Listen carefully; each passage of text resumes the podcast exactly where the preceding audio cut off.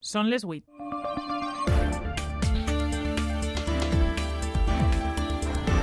Les notícies de la nit, amb Sara Garcia i Chelo Vicente.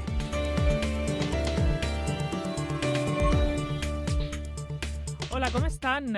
Amb frustració, ràbia, incredulitat, decepció, tristesa, de segur que hi ha més qualificatius per a descriure el que un important nombre de persones senten en estos moments, just el dia en què es commemorava el 44 aniversari de la Constitució espanyola, la selecció espanyola s'acaba de baixar del Mundial de Futbol de Qatar i simbòlicament o sense simbolisme ha caigut derrotada pel Marroc en el temps dels penals.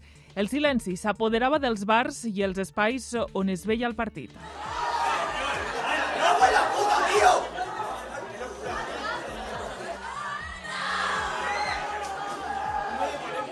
I era després, després, la decepció era la nota regnant. M'esperava més la veritat. Prou més d'Espanya, jo estic un poc despagar, però bueno, és el que n'hi ha. Tenim moltes esperances i no, anem a casa sí, sí, sí. molt mal. molt, molt mal, molt mal. Otro, otro mundial a la mierda. Fracaso, yo creo que España debería haber hecho mejor. Fracaso no lo sé, es un equipo muy joven, complicado, pero bueno, esperábamos más, yo creo. L'eliminació d'Espanya del Mundial també repercutirà en la recaptació dels bars que són, ja saben, llocs de trobada essencial per a viure amb intensitat cada partit. És una putada, és una putada perquè pues això, hacemos plena sempre que juega Espanya i pues que no, en la hostelería se nota que, que Espanya mos va a bé i tot el rollo, pues mos ve millor. Una de les eh, primeres reaccions al resultat futbolístic ha sigut la del president del govern espanyol, Pedro Sánchez, qui ha escrit eh, en Twitter «Ens heu fet vibrar i sentir-nos orgullosos i ha donat les gràcies a la selecció espanyola pel seu esforç i coratge en el Mundial 2022». I mentre així les llàgrimes redolaven pels rostres de menuts i grans, les distintes colònies marroquines establides al llarg de la comunitat valenciana celebraven amb alegria desbordant la classificació per a quarts de final. Els carrers s'han convertit en rius de marroquins celebrant el pas a quarts d'este Mundial de Qatar.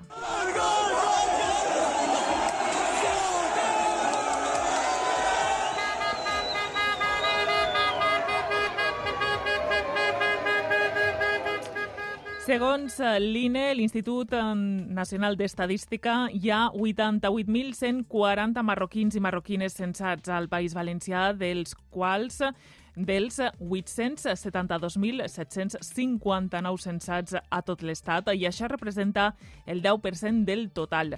És la notícia destacada d'avui dimarts 6 de desembre, però n'hi ha d'altres que repassem en el sumari amb Xelo Vicente. Al control tècnic està José Navas.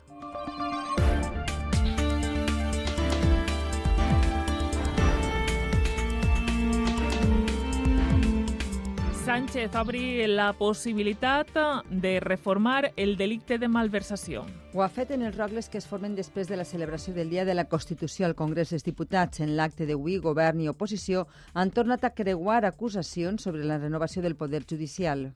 Cuando los partidos que siempre estuvieron en contra de la Constitución marcan la agenda política del Gobierno, es evidente que hay un antes y un después en el consenso constitucional que siempre inspiró a los grandes partidos, Partido Socialista y Partido Popular. Honrar la Constitución implica cumplir con todos los artículos de la Constitución todos los días del año. Y evidentemente tenemos una oposición, la oposición conservadora y la oposición ultraconservadora, que están situados fuera de la Constitución, que no cumplen con sus compromisos y sus obligaciones constitucionales.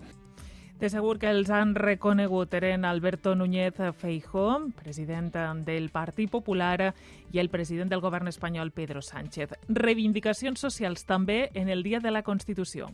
L'article 49 ha sigut avui el que més crítiques ha rebut en la cerimònia celebrada a Alacant. Des del CERMI es reclama que retire el terme disminuïts i, re, i demanen una altra mirada cap a este col·lectiu que reclama drets fonamentals i ajudes socials. Lluís Banyó, president del CERMI a la Comunitat Valenciana. La reforma de l'artícul 49 va més enllà, va més a donar-li enfoc de drets humans i de vida independent per a les persones amb discapacitat i les famílies. I més de 2.000 cotxes venuts en la 24a edició de la Fira de l'Automòbil de València. Una xifra que supera la de l'última edició. Segons la patronal, les xifres són bones degut al complex entorn actual del mercat de l'automòbil. La xifra de visitants ha superat 45.000 persones, un balanç positiu, segons Víctor Castillejos, director de la Fira de l'Automòbil. Pues el balanç és, és més positiu de lo que esperaven. Pensem que s'ha vengut més vehicles d'ocasió, però sobretot també és per el plaus d'entrega. El plaus d'entrega en ocasió, tú arribes así y avui o demà pues, emportar-te el cotxe. En vehículo nuevo pues, tarden unos mesos i a vegades hasta un any.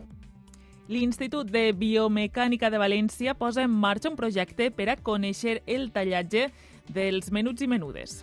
El ràpid creixement de xiquets i xiquetes, l'activitat que tenen la variació en els tallatges ha dut l'Institut de Biomecànica de València a desenvolupar una investigació de moda virtual. Juan Vicente Durà, investigador del projecte. Nosaltres som capaços de mesurar no únicament el moviment i el rang i l'amplitud dels diferents moviments, sinó també com és la deformació del cos segons la postura i el moviment. I en els esports, el titular, el podem intuir. Lucía Pastor, bona nit. La decepció del resultat del Mundial de Qatar ho ampli tot, veritat? Sí, serà bona nit. L'eliminació d'Espanya del Mundial acapara la informació esportiva de la nit. Cau la selecció en octaus de final després d'un partit que ha durat 120 minuts en què Espanya ha sigut incapaç de perforar la porteria del Marroc. En el torn dels penals, nefasta tanda per als nostres que han errat els tres llançaments. Luis Enrique explicava així en roda de premsa la decisió sobre quin ja seria el penals. He sido yo el que ha escogido a los lanzadores. Consideraba que eran los mejores que estaban en el campo y si ahora mismo empezara otra vez otra tanda de penaltis, cogería los tres mismos lanzadores primeros. O sea, imagínate el ojo que tengo. Lo que sí haría es, si empezara la tanda de penaltis, quitaría a Bono, lo cambiaría y pondría otro portero. I moment ara de conèixer les previsions de l'oratge. Lluís Obiols, bona nit. Hola, bona nit. Avui hem tingut un poc de tot, amb molts núvols durant el matí, algunes pluges i una vesprada amb més clarianes. I això és el que passarà durant els pròxims dies. Continuarem amb aquesta dinàmica, amb aquesta variabilitat. De fet, ara s'estan imposant les clarianes. La temperatura mínima baixarà un poquet més respecte de dies anteriors. Ara mateix, per exemple, tenim 9 graus a Morella, 10 a Requena i Alcoi o 13 a Ontinyent. En un dia marcat en general pels núvols, al matí fins i tot algunes pluges, 15 litres per metre quadrat, per exemple, en 14, per a ser exactes, 14 litres per metre quadrat a Xàbia o 8 a Xixona i màximes que s'han enfilat fins als 20 graus a Benidorm, 19 al Campello, 17 a Sagunt o 18 a València. He de dir que a la platja de Xeraco ha plogut molt avui, eh? ha plogut pràcticament més de 40 litres, segons Avamet, ja t'ho dic, entre la matinada no sé si, i el matí. No sé si estava bé este no ho registre. Sé, però però ha plogut, però ha plogut bastant. Molt. Sí, una sí. estaó jo crec que sí que haurà fet. I ja ens contaves ahir que l'oratge serà molt variat, ho acabes de dir ara també, els pròxims dies. Demà ens toca més sol, temperatures un poc més altes. Eh, més sol i també boires, però no seran tan persistents com les d'estos últims dies. Tindrem boires, eh, es formaran esta pròxima matinada, especialment en zones interiors del centre del sud, però en general demà eh, sí que s'aniran esvaint. Tindrem un dia amb núvols i clarianes, núvols més abundants de vesprada en zones de muntanya, especialment a les muntanyes de Castelló no es descarta alguna gota. Pugen demà les temperatures a les comarques centrals, on avui el dia ha tornat a estar prou núvol, la majoria de les màximes demà entre els 14 i els 18 graus, i atenció perquè dijous arriba un nou front amb molts núvols, amb precipitacions dèbils, sobretot en zones interiors i del nord. Les temperatures baixaran lleugerament. Divendres tindrem clarianes a la costa, més núvols de nou a l'interior, amb pluges de vesprada. Dissabte vent de mestral i descens de temperatures i diumenge un nou front amb pluges de matí i després tindríem entrada de ponent fort diumenge amb un nou ascens de la temperatura. Doncs anirem veient com evoluciona el temps, que el tenim ben variat, I per tant, no avorrir-nos ara. No, no.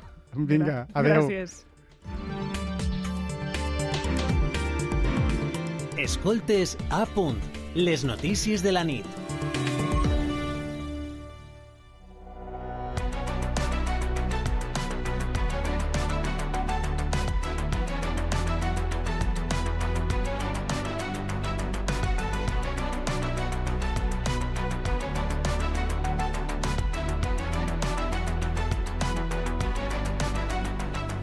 Continuem amb el relat informatiu i comencem amb eh, una de les qüestions que destacàvem ahir.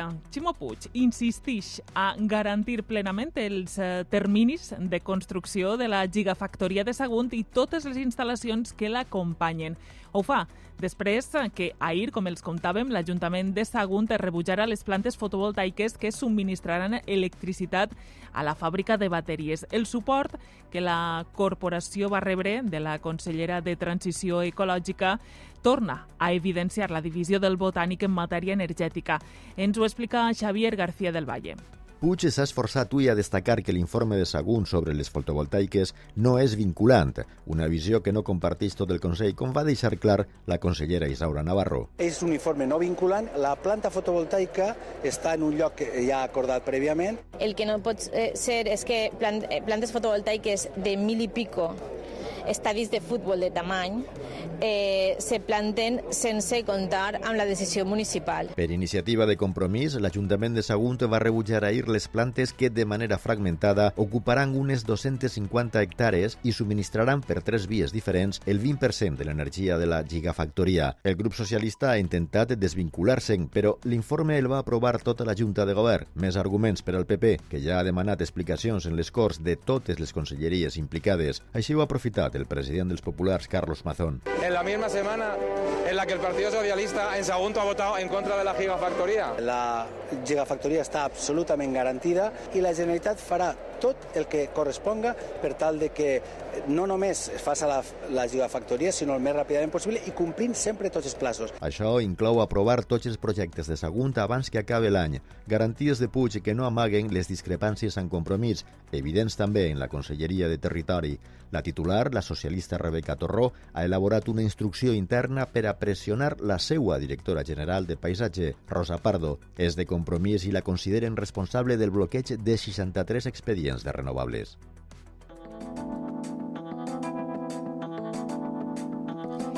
I avui és dia 6 de desembre, eh, dia en què se celebra el naixement, podríem dir, de la Constitució espanyola. I hi ha hagut discurs reivindicatiu de Ximo Puig en l'acte commemoratiu per este dia que per vuitè any consecutiu s'ha celebrat a Alacant. El president ha insistit que cal desbloquejar algunes qüestions i que acordar no significa trair. Al seu torn, el líder de l'oposició, Carlos Mazón, ha acusat Puig de viure fora de la realitat i li ha retret el que considera una actitud triomfalista. Adelaida Ferre. Commemoracions a banda, el president de la Generalitat ha tornat a llegir avui la seva llista de demandes constitucionals. Hay cuestiones que ya no pueden esperar y hay que cumplir la Constitución y desbloquear el bloqueo. Un desbloqueig que per a Puig passa per renovar els òrgans judicials, millorar el finançament autonòmic i establir un nou pacte territorial. Acordar no és traicionar. Més autonomia en una Constitució oberta a reformes. Amb tot, les reivindicacions del Consell també s'han centrat a exigir el compliment del que ja diu la norma, com ha reiterat la vicepresidenta Aitana Mas. Recull els nostres drets i llibertats que hem de garantir en tots els contextos, en tots els contextos. Però l'oposició posa el focus en altres qüestions. El líder del PP, Carlos Mazón, creu que el Consell és triomfalista i l'acusa de deixar perdre oportunitats i de viure fora de la realitat. Me da la sensación que algunos viven fuera de la realidad. Van a gloriarse de haber perdido tren tras tren tras tren por parte del presidente de la Generalitat Valenciana me llama mucho la atención. Tot això en un acte on també s'ha fet una mirada cap a altres reivindicacions. La cerimònia d'avui ha posat el focus en les desigualtats i en la necessitat de canviar alguns termes com la paraula disminuïts a la Constitució de 1978. El govern valencià ha premiat els Consells de la Infantesa i l'Adolescència de la Comunitat Valenciana pel treball en defensa dels dos col·lectius. També s'han atorgat guardons a Marta Senent, investigadora en paràlisi cerebral, emprenedora, editora i activista. Un altre dels reconeixements ha caigut en Paco Moya, actor premiat pel curt Como tu, centrat en la síndrome de Down. En l'apartat esportiu, Ricardo Ten, atleta paraolímpic, que ha demostrat que amb altres capacitats el món de l'esport també esdevé realitat. I la veu de tots ells ha sigut Noah Igon, que a través de les xarxes socials ha difós com es viu amb malalties poc freqüents. Avui ha reivindicat un canvi en l'article 49 de la Constitució perquè se suprimisca aquesta paraula, la paraula disminuït. No deben olvidarse de las personas que convivimos con una discapacidad y que vemos como la terminología importa, y más si proviene de dicho texto. Cal recordar que l'article 49 de la Constitució conté l'apel·latiu disminuïts en referència a les persones amb diferents capacitats físiques, sensorials o psíquiques. Des del 2004, el Comitè Espanyol de Representants de Persones amb Discapacitat, CERMI, reclama un llenguatge més inclusiu, començant per la Constitució, com assenyala el president del CERMI a la Comunitat Valenciana, Lluís Banyó, demanen que l'article 49 deixi de qualificar-los com a disminuïts, però a més la reforma de l'article 49 va més enllà, va més a donar-li enfoc de drets humans i de vida independent per a les persones amb discapacitat i les famílies. Els partits polítics no han arribat encara a un consens i des del CERMI esperen un desbloqueig, però no és l'únic exemple de llenguatge no inclusiu. La discriminació per sexe també es dona a la nostra Carta Magna, com recorda la professora honorària de Dret Constitucional de la Universitat de València, Júlia Sevilla. La Constitució no se fa en llenguatge inclusiu, però és que tampoc s'inclou a les dones. No ja sols en el llenguatge, sinó en l'articulat de la Constitució la discriminació, per exemple, és per sexe, no és a les dones, que som les que eren discriminades. Tant en un cas com en l'altre és qüestió de voluntat política, assegura. No és merament una qüestió d'afegir una paraula, és integrar tots els avanços que s'han fet en la, en la igualtat, integrar-los en la Constitució. I això no és només xapa i pintura. La majoria de tres cinquenes parts al Congrés i el Senat que requereix tota reforma constitucional complica estos canvis. I l'aniversari de la Constitució ha estat marcat per l'augment de la crispació política eh, de les últimes setmanes i el bloqueig en la renovació del poder judicial. Amb este ambient, en el discurs de l'acte de celebració de la Carta Magna, la presidenta del Congrés, Meritxell Batet, ha llançat este missatge. El debate parlamentario es la exhibición de las mejores virtudes de la palabra. Desde la tribuna se habla a la ciudadanía. Eso es lo que esperan los ciudadanos y las ciudadanas de sus representantes. Que la palabra se utilice para argumentar, no para herir, para proponer, no para ofender. Era el missatge de Meritxell Batet este matí en els actes oficials del Dia de la Constitució, una celebració en què govern i oposició s'han acusat mútuament d'incomplir-la. Fora de les càmeres, Pedro Sánchez ha deixat oberta la porta a una reforma limitada del delicte de malversació. A la... Estem... Anem a la redacció de Madrid. Antonio Mas, bona nit. Bona vesprada. En els tradicionals rogles del dia de la Constitució, Sánchez ha obert la possibilitat de reformar el delicte de malversació, però matissa que no acceptaran retrocessos en la lluita contra la corrupció ni rebaixes en les penes. Els populars carreguen contra esta idea i per Twitter Cuca Gamarra ha acusat Pedro Sánchez d'estar disposat a tot per sobreviure. La reforma de la malversació és una petició d'Esquerra i es podria fer justament a través de l'esmena que el grup presente a la ja anunciada reforma del delicte de sedició. Ho hauran de fer abans que acabi el termini este divendres. La reforma de la sedició va ser l'excusa amb què el PP va justificar el trencament de les negociacions per a la renovació del Poder Judicial caducat des de fa quatre anys. Avui el president dels populars, Alberto Núñez Feijo, i el president del govern, Pedro Sánchez, s'han creuat acusacions. Cuando los partidos que siempre estuvieron en contra de la Constitución marcan la agenda política del gobierno, es evidente que hay un antes y un después en el consenso constitucional que siempre inspiró a los grandes partidos, Partido Socialista y Partido Popular. Honrar la Constitución implica cumplir con todos los artículos de la Constitución todos los días del año. Y evidentemente tenemos una oposición, la oposición conservadora y la oposición ultraconservadora, que están situados fuera de la Constitución que no cumplen con sus compromisos y sus obligaciones constitucionales. El president espanyol s'ha mostrat també obert a més a revisar la llei del només sí és sí per a fer, ha dit, ajustos tècnics. I a la seva arribada a estos actes, Yolanda Díaz s'ha mostrat sorpresa per la bona acollida que per a sumar dona avui l'enquesta de la cadena SER. Díaz contempla avançar la seva candidatura davant de la incertesa en l'espai de l'esquerra i confia que sumar siga la clau per a la reedició de la coalició.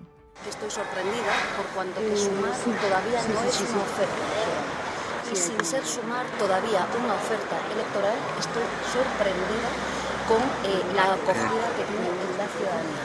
Creo sí. sinceramente que si esto cuaja, eh, Sumar va a ser el secreto bueno, pues de una nueva coalición progresista. Y aquí me van a encontrar, siempre sumando.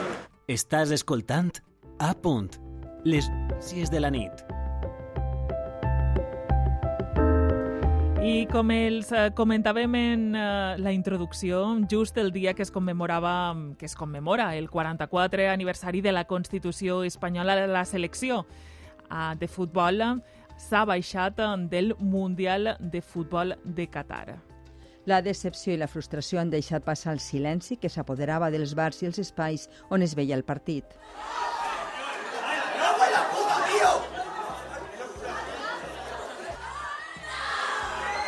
I la decepció ha sigut la nota regnant. M'esperava més, la veritat. Prou més d'Espanya. Jo estic un poc despagar, però bueno, és el que n'hi ha. Tenim moltes esperances i no, anem sí, a casa sí, sí, molt mal. molt, molt mal, molt mal. Otro momentos mundial a la mierda. Fracaso, yo creo que España debería haber hecho mejor. Fracaso no lo sé, tenemos un equipo muy joven, complicado, pero bueno, esperábamos más, yo creo. El president del govern espanyol, Pedro Sánchez, s'ha afanyat a escriure en Twitter «Ens heu fet vibrar i sentir-nos orgullosos» i a donar les gràcies a la selecció espanyola pel seu esforç i coratge en el Mundial 2022. I a Espanya la Policia Nacional ha organitzat un dispositiu especial a les grans ciutats com ara Madrid o Barcelona. També a Alacant i les celebracions dels seguidors de la selecció marroquina s'han iniciat només a acabar els penals i continuen en aquests moments sense incidents. Les mostres d'alegria i eufòria entre els aficionats del Marroc han dominat bona part de la vesprada i la nit. Escoltes a punt. Les notícies de la nit.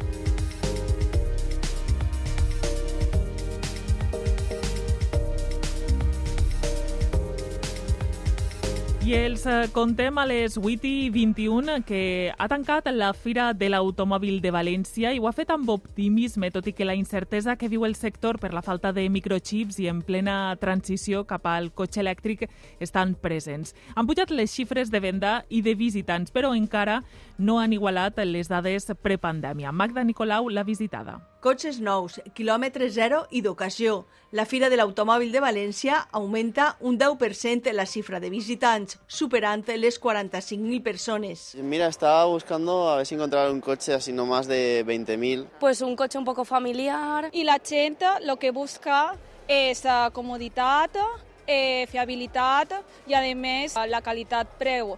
Amb 4.000 vehicles en exposició, ha tancat esta vesprada les portes amb la meitat de l'estoc venut. Víctor Castillejos és el director de la fira. Pues el balanç és, és més positiu de lo que esperaven. Pensem que s'ha vengut més vehicles d'ocasió, però sobretot també és per el plau d'entrega. El plau d'entrega en ocasió, tu arribes així i avui o demà pues, emportar-te el cotxe. En vehículo nuevo pues, tarden unos mesos i a vegades hasta un any. La majoria dels cotxes venuts són de gasolina i dièsel, però creix l'interès pels ecològics no contaminants que, com diu Castillejos, són el futur. Els estancs estan plens de gent informant-se i estan comprant-se, estan venent-se més cotxes híbrids i elèctrics que, que mai. Tot i que encara hi ha molts dubtes a l'hora de comprar-lo, com les d'estos visitants. Què fem amb les bateries i de quina manera amortitzem el vehícul? Autonomia i sobretot el preu, per supost. El 2035 és la data fixada perquè tots els cotxes siguen de zero emissions contaminants. Les notícies de la nit.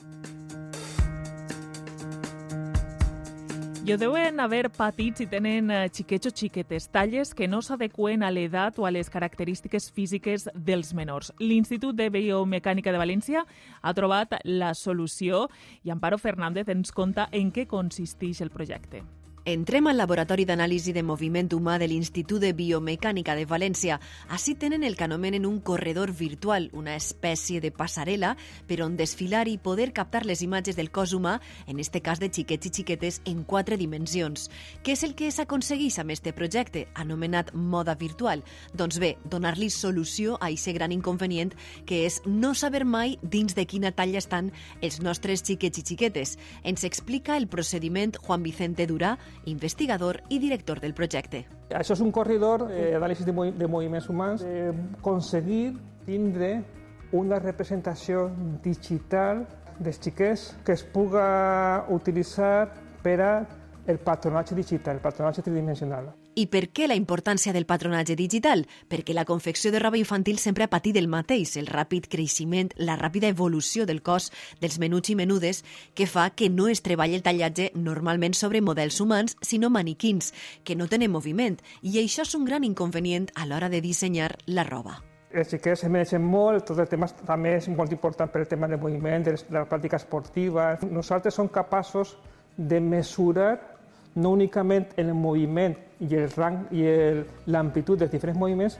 sinó també com és la deformació del cos segons la postura i el moviment. En el projecte hem de dir que han col·laborat fins a quatre firmes de roba infantil valenciana i la informació que s'obtinga del tallatge ajustat a la realitat permetrà una font d'innovació a estes i moltes altres empreses que podran per fi oferir peces de roba més adaptables i còmodes.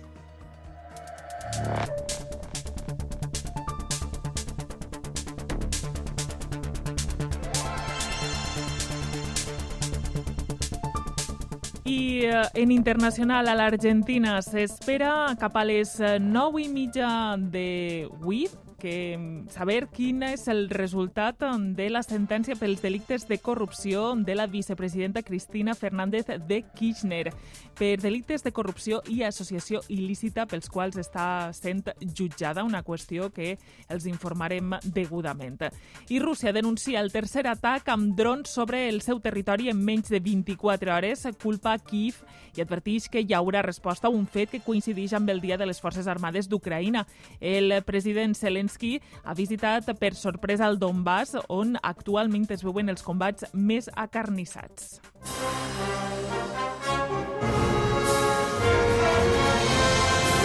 A punt. Les notícies de la nit.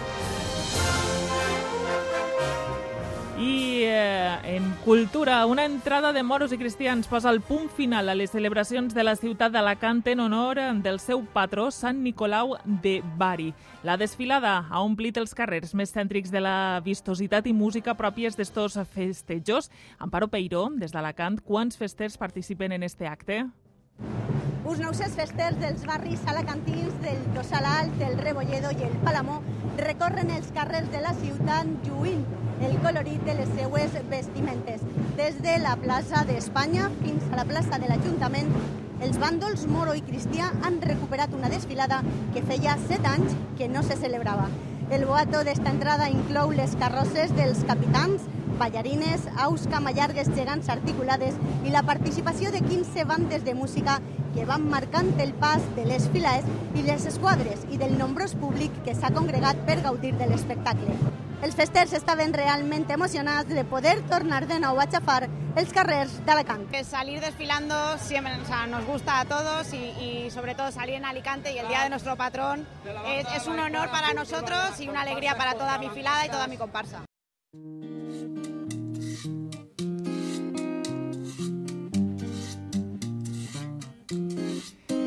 I en la musical, una nova forma de la formació de Castelló de la Plana, Mel de Romer, que fa unes setmanes va gravar un tema a l'estudi local perquè ha muntat un concurs per a bandes oferint fer un tema en directe a l'estudi i es van engrescar. El resultat és el que escoltem. Trobem a faltar la vida de quan érem poc més que infants plenem d'expectatives una nova forma, una experiència que ha sigut brutal per a Mel de Romer en paraules textuals. Un grup que es proposa agitar, fer sentir sensacions noves i experimentar emocions a aquelles persones que els escolten, sempre amb l'objectiu que gaudisquen de l'experiència musical que els proposen.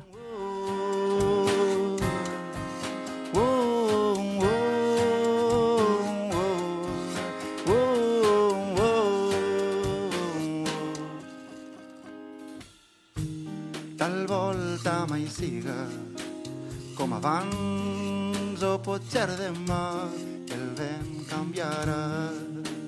Però avui trenquem els esquemes de com s'ha d'estimar